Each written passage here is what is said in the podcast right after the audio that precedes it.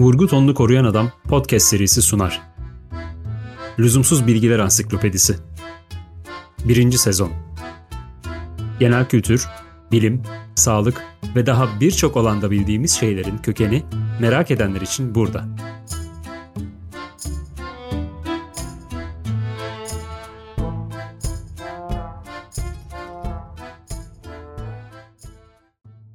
Erkekler eskiden nasıl tıraş oluyorlardı?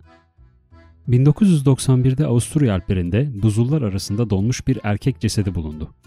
Şaşırtıcı olan cesedin 5200 yıl önce yaşamış birine ait olması ve bugüne kadar hemen hemen hiç bozulmadan kalabilmesiydi. Alp çobanı adı verilen bu cesette dikkat çeken bir başka hususta yüzünde sakal ve bıyık olmamasıydı. Arkeologlara göre erkekler tarih öncesi devirlerde de tıraş oluyorlardı. Mağara duvarlarındaki bu devirlerden kalma resimler sakal tıraşı için kabukların, köpek balığı dişlerinin, en çok da keskinleştirilmiş çakmak taşlarının kullanıldığını göstermektedir. Günümüzde keşfedilen bazı ilkel kabilelerde çakmak taşının bu amaçla kullanıldığı gerçekten de görülmektedir. Mısır'da açılan mezarlarda eski Mısırlıların M.Ö. 4. yüzyılda sakal kesmek için kullandıkları altın ve bakır aletler bulunmuştur.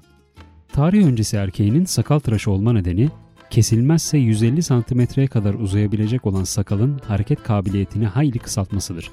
Ancak sinek kaydı tıraş olma ihtiyacının nedeni bilinmemektedir. Her gün kesilmesi gerekiyorsa erkekler niçin sakallı yaratılmışlardır? O da ayrı bir konu.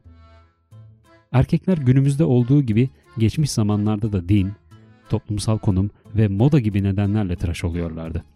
Örneğin Roma'da sadece özgür insanlar tıraş olabilirdi. Milattan sonra 14. yüzyılda şimdiki usturanın ilkelleri ortaya çıkmaya başladı. Ama erkeklerin acılı ve kanlı tıraş derdi 20. yüzyılın başlarına kadar devam etti. King Camp Gillette, Amerika Birleşik Devletleri'nde 1901 yılında ilk iki taraflı jileti keşfetti.